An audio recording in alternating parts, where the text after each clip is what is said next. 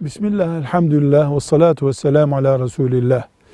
Büyük avret dediğimiz diz kapağı ile e, göbek deliği arasındaki bölge tıbbi bir neden olmadıkça asla açılamaz.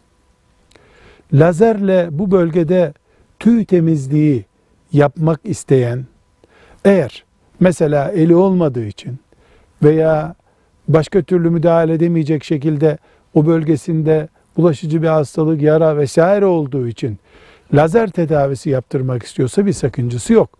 Ama sadece işte daha kalıcı oluyor, daha temiz oluyor gibi bir gerekçeyle e, herhangi bir şekilde tıbben müdahale gerekmediği sürece e, avret, büyük avret bölgesinin berbere, kuaföre açılması caiz değildir.